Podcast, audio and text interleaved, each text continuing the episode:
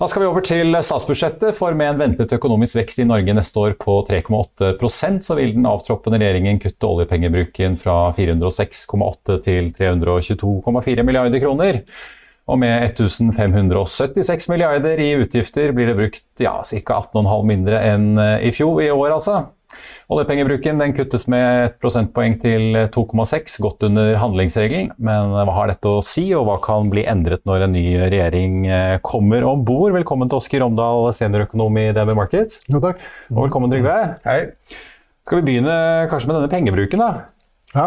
Jo, de tar jo oljepengebruken veldig ned, men vi ser jo at skatteinntektene er jo veldig gode. Og eh, fra norsk oljenæringen så renner jo pengene inn eh, som bare det, så det hjelper jo veldig på, eh, Kyrre? Ja, det gjør det. Og så er det jo slik at sant, Aktiviteten i økonomien har jo kommet seg godt opp uh, nå i løpet av eh, sommeren og forsommeren. Uh, og det fortsetter utover høsten, og det fortsetter til neste år. Så det gir jo penger i kassa for, uh, for staten. Og det går tydelig fram med anslagene at, at de går opp. Når de regner på oljepengebruk, så snakker man ofte om den strukturelle bruken. Og da tar man jo høyde for at det har vært særskilt lav en periode. Eh, altså Inntektene var særskilt lave, at utgiftene var særskilt høye. Um, men eh, likevel, de, de går ned på pengebruken i forhold til i fjor. Og det er jo ikke så rart. Nei, Det bør man kanskje klare når man eh, skal avvikle alle disse hjelpeprogrammene og ja, støttepakker og det som er. De har hatt masse støttetiltak, og de har jo begynt å gå ut på, på dato nesten. Så, så, det bidrar jo til å redusere det vi kaller oljepengebruken. Likevel så vi lagde jo anslag på dette i forkant, og eh, da hadde vi nok regnet med at de ville bruke litt mer oljepenger enn de gjorde. Eh, samtidig så er det jo slik at eh, de har jo ikke stramma til i budsjettet. Altså I forhold til fjor har de det, men når vi ser f.eks. For i forhold til 2019, så har vi jo hatt ekspansive budsjetter i den perioden som har vært. Ja. Hva syns du, Trygve? Syns du Erna og Jan Tore Sanner holder deg nok, eller? Altså, Jeg syns ikke de skal holde så veldig mye igjen. For det første så mener jeg det at de brukte pengene fornuftig i de to årene vi har, altså 2020 og 2021. Det er jo altså alt det som skjedde da med altså, permitteringsordningene, ekstra kostnader ved det og alle de kompensasjonsordningene som næringslivet har fått, og som har gjort at norsk næringsliv har kommet forbløffende bra over dette. altså Bortsett fra enkelte ting i reiseliv og servering og den type selskaper. Så man har kommet forbløffende bra gjennom det. I tillegg så er det liksom Norge på, på verdenstopp når det gjelder liksom få syketilfeller og få døde. altså Vi er liksom best på alt når det gjelder covid-19 tilsynelatende. Og så har vi da brukt penger på en fornuftig måte. så at, at det, det må, vi, vi, måtte selvfølgelig ned fra det. Altså, klart, men, men, når man liksom har visse styringsmekanismer her, og da har man liksom hatt handlingsregelen da, som da folk syntes var for romslig, og man måtte ned og ned og ned, og man kom fra 4 til 3% og nå er det 2,6% i budsjettet for neste år. Og det, altså Hvis man liksom skal begynne å mase på det, da, da, må man liksom gjøre om hele regelen. da, for da liksom, Av og til kan det være to, av og til kan det være tre og fire. altså Nå er, 2, nå er det tre.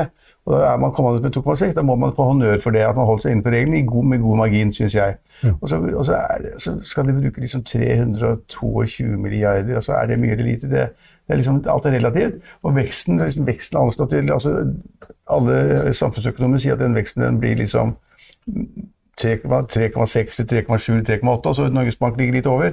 Altså, det, denne skuta, skuta den går altså nesten uten noen hindringer av noen art. Vi har mer enn nok penger. Oljefondet er vanvittig stort. Eh, og en behagelig avkastning på det gir deg nok rom til å gjøre hva man vil i statsbudsjettet. Til å balansere det. Så, det er kanskje et langt svar, men altså, jeg, jeg syns at dette var et greit budsjett. Det, det kommer ikke til å komme gjennom altså, Det vil bli endret på en rekke områder pga. at vi får ny regjering i morgen.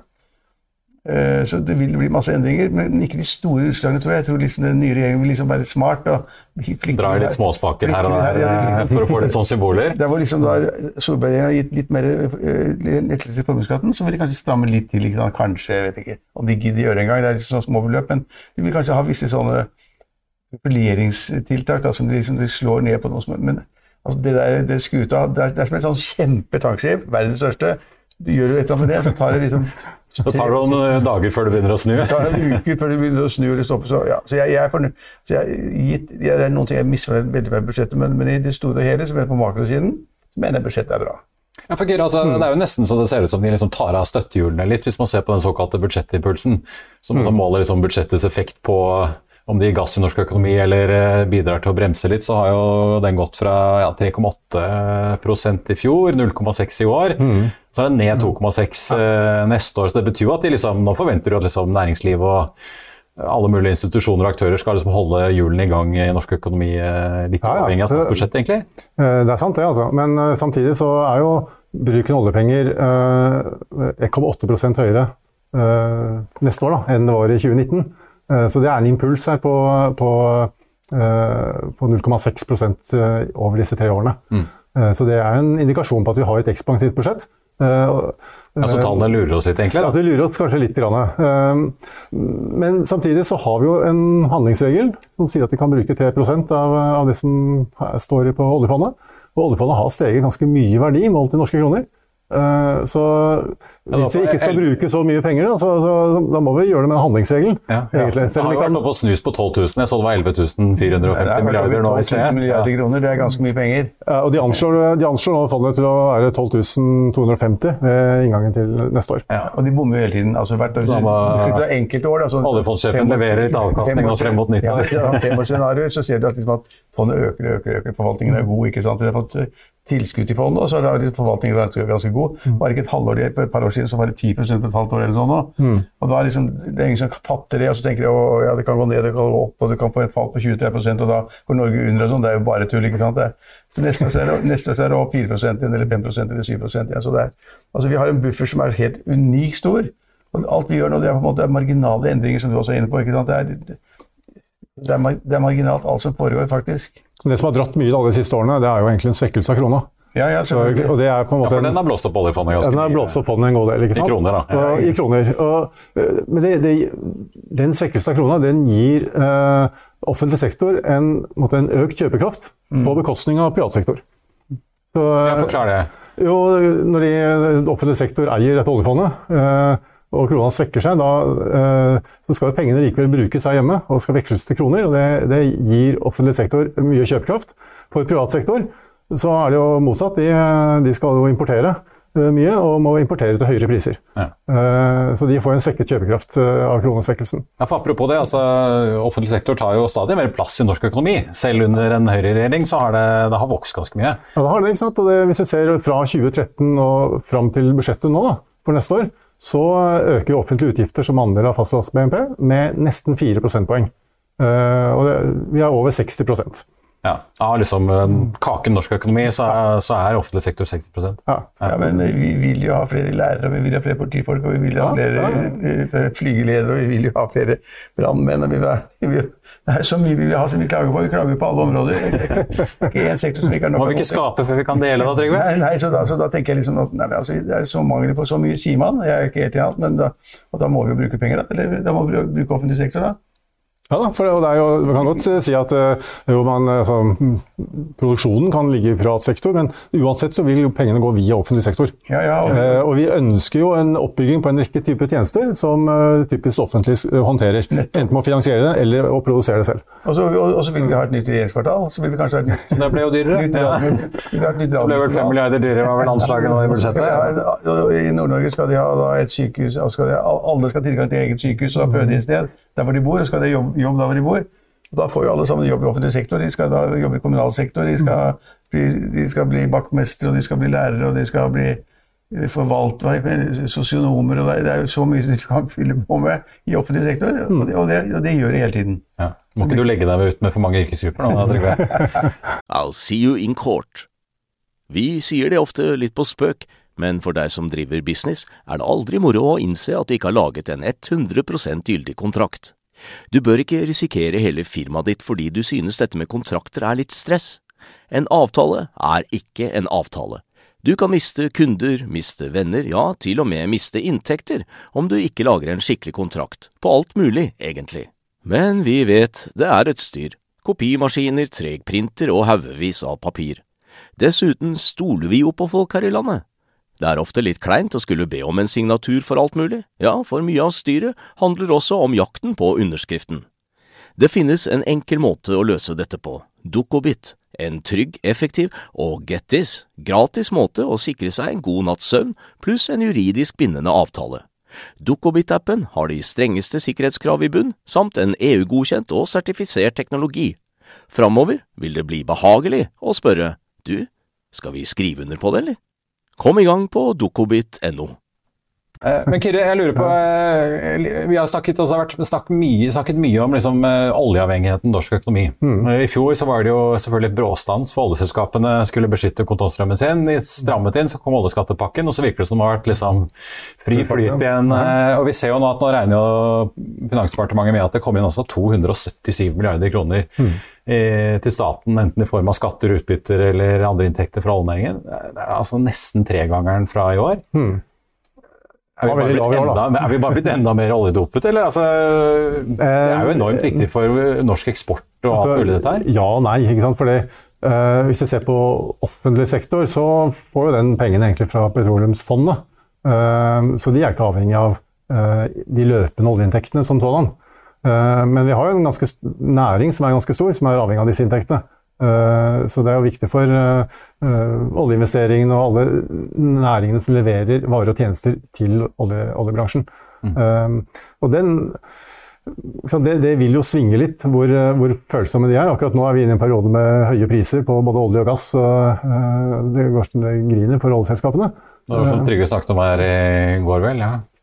Ja, nei, så, ikke sant? Det, uh, da, uh, det tjener denne sektoren veldig godt, og alle liksom de omkringliggende sektorene tjener jo godt på dette uh, på ulike, ulike måter.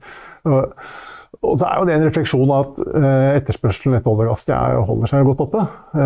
Så vi er, det er ikke, liksom, det er ikke noe ferd med noen nedbygging pga. manglende etterspørsel, i hvert fall i den nærmeste tiden.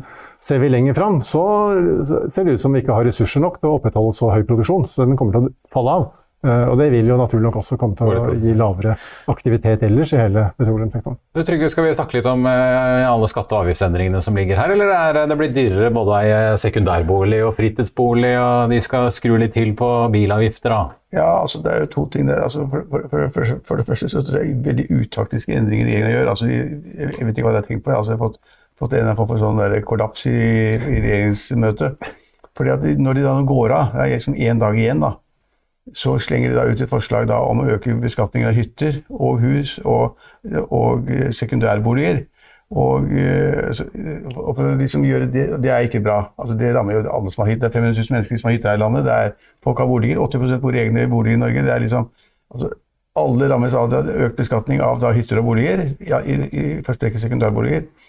Og så skal man kompensere det ved at man skal øke bunnfradraget i formuesskatten fra 1,5 til 1,6% 1,5 til 1,6% Det er liksom ingen som merker det noen gang når du regner på det. Så de gjør en rekke sånne ut... Og så, og så, og så justerer de da inntektsgrensene, altså innslagspunktene for inntektsskatten, så mye at kanskje da en husholdning middels husholdning i Norge kanskje får da 1000 kroner i skattelettelse. Ja, de orker jo ikke se på det. For at 1000 kroner skattelettelse er ingenting. ikke sant? Altså, på visse områder får du da økninger, så får du lettelser som ikke betyr noen ting. Og så slår de til da med, med økt CO2-avgift, som gjør det dyrere å kjøre bil. Og så, og, og, så, og, så, og så får du høyere skatter på, på, på, på å selge en elbil til andre. Det får en sånn, over- en sånn omsetningsavgift, eller hva de kaller det. Og så i tillegg så får du da lavere skattefordeler for å kjøre hybridbiler. Liksom, altså de, de gjør, etter min mening så har de sittet og rotet masse tøys frem og tilbake, og så har de ikke laget noen snubletråder for den nye regjeringen. Det er liksom, Ja, har du ikke funnet det? Er det, er det, er det ingen sånn åpenbare Men er ikke dette snubletrådene? Det, det at de gjør, altså, for det betyr at skal eh, den nye regjeringen måtte hente noe mer inntekter på disse områdene, så må de måtte skru tommeskruen enda hardere til. Da. de må jo ikke fordi de har mye å ta. ikke sant? Det liksom, Ja, men, men slik det er nå, da, så ligger det et budsjett der som de har henta en god del inntekter inn ved å øke alle de tingene du sier, eh, og så har de fordelt ut på masse andre ting. En ny regjering, hvis de skal komme og fremme sine merkesaker, så må de greie å omdisponere. Ja. Dette er sånn. Og enten må de da kutte noen Mange tydelige satsinger, liksom, ja. eh, mange små satsinger som må kuttes og tas bort, eller så må de eh, øke disse eh, sånn formuesskatten og, eh, og høye eh, eh, høy inntektsskatt f.eks. Gjøre de grepene enda mer tydelige. Men her har, Eller- eller- her har denne regjeringen på en måte tatt lufta litt ut av ja, ballongen. eller alternativt at de anslår da inntektene fra olje og gass høyere, 5 eller 10 milliarder eller 20 milliarder høyere, fordi at prisen kanskje holder seg på 700 kroner per fat. Mm, olje. kreativ- kreativ ikke- bokføring. Ikke faller, ikke, ikke faller til 300-400 kroner igjen, ikke sant? Nei, men det- At gassprisen holder seg, så blir, strømmer skatteinntektene inn, så strømmer de direkte der hvor de har direkte eierandeler inn. Da kompenserer de 2-3 milliardene på et 0,0. Det er kanskje det, det grepet de kan gjøre, at de kan ta ut høyere utbytter. Ja, for eksempel. Eh, Eller anta høyere salgsinntekter. De, har de bommer jo, altså Finansdepartementet og, og, og, og de andre bommer jo hvert eneste år på hvor oljeprisen skal ligge. da.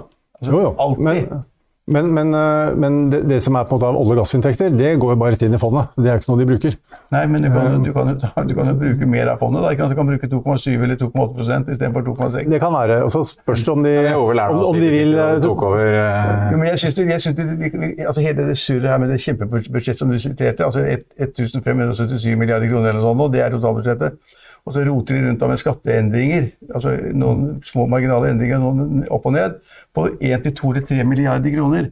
Det er jo liksom bare regnefeilen på et eller annet regneverk. det der. Men nå har de jo liksom over år strammet inn i hvert fall sekundærbolig og fritidsbolig ganske mye, hvis du ser over noen år. da. Ja. Eh, nå er det jo helt oppe i 95% på sekundærbolig. altså Får dette noen Ja, viktig tidligere, effekt? tidligere har de også redusert uh, skattesatsen ikke sant? Ja. eh, på, på finansutgiftene, altså fradragsmulighetene egentlig fra, på renteutgifter. Så samlet sett så har det vært en viss skjerping av, av boligskatt. Men uh, Så snikinnføring av ja, men det eiendomsskatt. som du sier, det, de, de har jukset, altså jukset i anførselstegn. I anførselstegn, De har jukset, for de snakker liksom at de øker rabatten litt her og der, litt så videre. Men samtidig så har de liksom justert da opp kraftig da på sekundærboliger. Til at man liksom da hadde en betydelig rabatt, og så plutselig fikk man da tatt vekk det.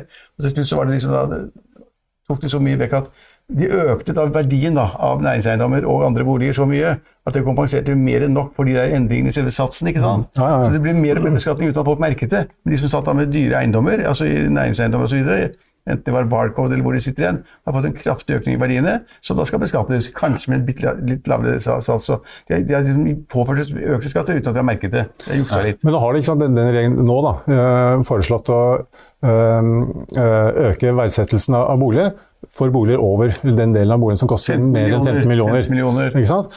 Eh, det betyr at her er det ikke rom for en ny regjering til å øke veldig mye mer for de dyre boligene. Nei, Hvis de skal hente noe mer eiendomsskatt, så må de gjøre det på de som er billigere enn 15 millioner. Ja. Ja, da, sitter, til 10 eh, eller da, da må de liksom ta, da begynner de å treffe mer av den brede middelklassen. Men de, kan, Eh, men de skal verdsette da det, altså de eiendommene over 15 millioner, den verdien av eiendommene over 15 millioner, Ja. skal da ha en takstgrunn på 50 De kan jo si at, det, at du, du, du går ikke fra 25 til 50, du går fra 25 til 70% eller den andre veien. altså da Det blir ikke veldig mye penger av det. Nei, ikke sant? ikke. Så hvis de skal hente noen penger, så da må de på måte begynne også å skattelegge eh, middelklassen i større grad. Ja, for, for, for nå har måte den- denne regjeringen har liksom dratt litt i alle de der andre Alle økonomer vi vet jo det at det er den beste måten å ta middelklassen og alle andre på, det er å øke momsen. så alle er det er bare å skuffe av bordet. Men eh, til slutt, eh, Kyrre. Altså, hvis vi ser litt på de langsiktige prognosene for hvordan Jonas og Trygve Slagsvold Vedum, som nå ryktes skal bli finansminister, får det, da. Eh, nå skriver jo departementet at eh, de regner med ca. 10 milliarder i økte skatte- og avgiftsinntekter hvert år fremover. Før har det tallet vært 18. Ja. Samtidig øker folketrygdsutgiftene med ca. 8. Så da er du liksom nede i 2 milliarder og har til fri disposisjon, eh, litt grått regnet. Hvor, ja, blir, blir, har Jonas og Trygve noe ekstra penger å bruke, egentlig? Ja, Det får vi jo se, da, om, om det er rett som realiseres. Eh, eh, man har jo lenge snakket om at uh, eh, eh, Altså Ikke bare neste år, men jeg tenker liksom i de neste Ja, tre årene etter det. Ja, altså, i, i, langtidsprogram og, og tidligere har man også sett på at nå har vi hatt en veldig vekst i oljepengebruken. Den kommer til å flate ut, eh, og vi treffes av eh, økte uh, altså av eldrebølgen og de, de kostnadene det medfører. Og så har vi på en måte år for år hatt en overraskende stor vekst i, eh, i, i oljepengebruken og, og vekst i pensjonsfondet, som gjør at vi har kunnet bruke så mye penger. Eh, og så sier vi igjen at nå, nei, nå får vi ikke noe mer derfra, og vi får ikke noe vekst i skatteinntekter eh, utover eh, det vi, det vi trenger. Um, så det gjenstår å se om det er det som faktisk realiseres. Men hvis det er det, og det er som sagt, langtidsprogrammene, eh, eller perspektivmeldingene, har jo flere i lang tid på en måte påpekt at vi, vi nærmer oss nå veldig det tidspunktet hvor, hvor eh, veksten i pensjonsfondet stanser opp. Uh, kostnadene ved eldrebølgen slår til for fullt. Og vi skal Og det går over ende med oss. Vi, blir, ja, vi må begynne å øke skattene for å Jeg finansiere tror på det i det hele tatt. Nei, hva tror du, Trygve? Tror du det liksom fortsetter å flomme inn eh, penger, eller? Perspektivmeldingen som da viste den der saksen, ikke sant, hvor utgiftene til pensjoner øker så mye, Mm. og inntektene faller fordi det er færre som jobber. Eh, eh, altså, vi er jo ikke der i det hele tatt. Det er mulig at vi blir der om 15 eller 20 30 år. Jeg har ikke prognosene klare, jeg er på 30 år frem i tid. Men det vi har sett hittil, er jo det at spillerom er mye større i da på en måte, altså oljefondets størrelse og den avka- real- realavkastningen de har der, som du kan da forsyne deg av hvis du vil. Det er ingen, verken Kyrre eller jeg eller noen annen eller Marius kan si noe om det er riktig å ta ut 322 milliarder eller 350 milliarder. Nei, Altså, det er ikke mulig å regne på. Det eneste vi vet, er at BNP kanskje øker med 3,8 de kommende årene. Og Det er jo en høy vekst. Den sysselsetter mange. Ledigheten går kanskje ned, og sysselsettingen øker kanskje. ikke sant? Og så kommer det kanskje et eller annet tidspunkt om 20 år da, hvor kanskje da Det er liksom så mange pensjonister at vi klarer ikke å ta det igjen fordi at oljefondet har falt og falt 30 og, og, og, og, kronekursen har svekket seg. ikke sant? Men det, er, men det, er noen, det er noen langsiktige utviklingstrekk her som er skumle. Altså. For den der eh, aldersbølgen den er det jo ikke noen tvil om, og den, den kommer. Med, og den slår hardt i statsbudsjettet. Det er ikke det at vi får så veldig skeiv andel gamle i forhold til unge Nei, da... i Norge, men, men, fordi vi har så stor grad av offentlig pensjon og offentlige ytelser på helse og omsorg, ja. så slår det ganske kraftig i, eh, i budsjettene. Og det har vi begynt å se at det, det drar seg til. Ja, men, men, så har vi hatt, blitt reddet så godt av Pensjonsfondet. Ja, og så spørs det om vi får til det da, videre fremover. Det lurt oss på et annet område også, fordi de har liksom da, da latt oss arbeide mer og mer. Vi slutter jo ikke når vi er 68 lenger. ikke sant? Vi slutter når vi er 70 og 72 og 73. Ja. Når, du kommer, når, du skal bli pensjonist, så du må jobbe til 75, du. Mm. Ja, ja, ja. Jeg, jeg, jeg, er over det. så jeg, altså, jeg bare ikke... Hvor lenge må jeg jobbe her, da? Det er alltid Trygve. ja, men så Vi har jo lurt oss ikke sant? Pensjonsytelsen liksom er strukket ut i tid, naturlig nok. Det var i Stoltenbergs store verk. Mm. Det fikk de til uten at folk blunket engang. Regnet på at liksom, du må jobbe tre år til eller fem år til for å få pensjonen din. Og vi jobber jo mer altså, hele tida. Alle sammen. Før så var det Vi fikk ikke lov å jobbe enn 68, ikke sant? så ble det 70. Mm. Og blir kanskje 72 også. så liksom, det, det, jeg ser jo det at altså, Tapet i antall sysselsatte og økning i pensjonistene, ja, det kommer. Men det kommer ikke som vi tror de vrir og ender på det, slik at det blir ikke som du tror. Så blir det, mindre, mindre. Ja, det, kommer til å gå i hop på et vis.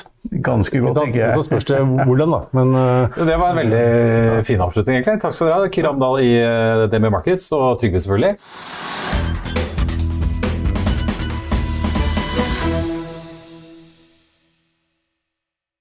Økonominyhetene er en podkast fra Finansavisen. Programledere er Marius Lorentzen, Stein Ove Haugen og Benedikte Storm Bamvik.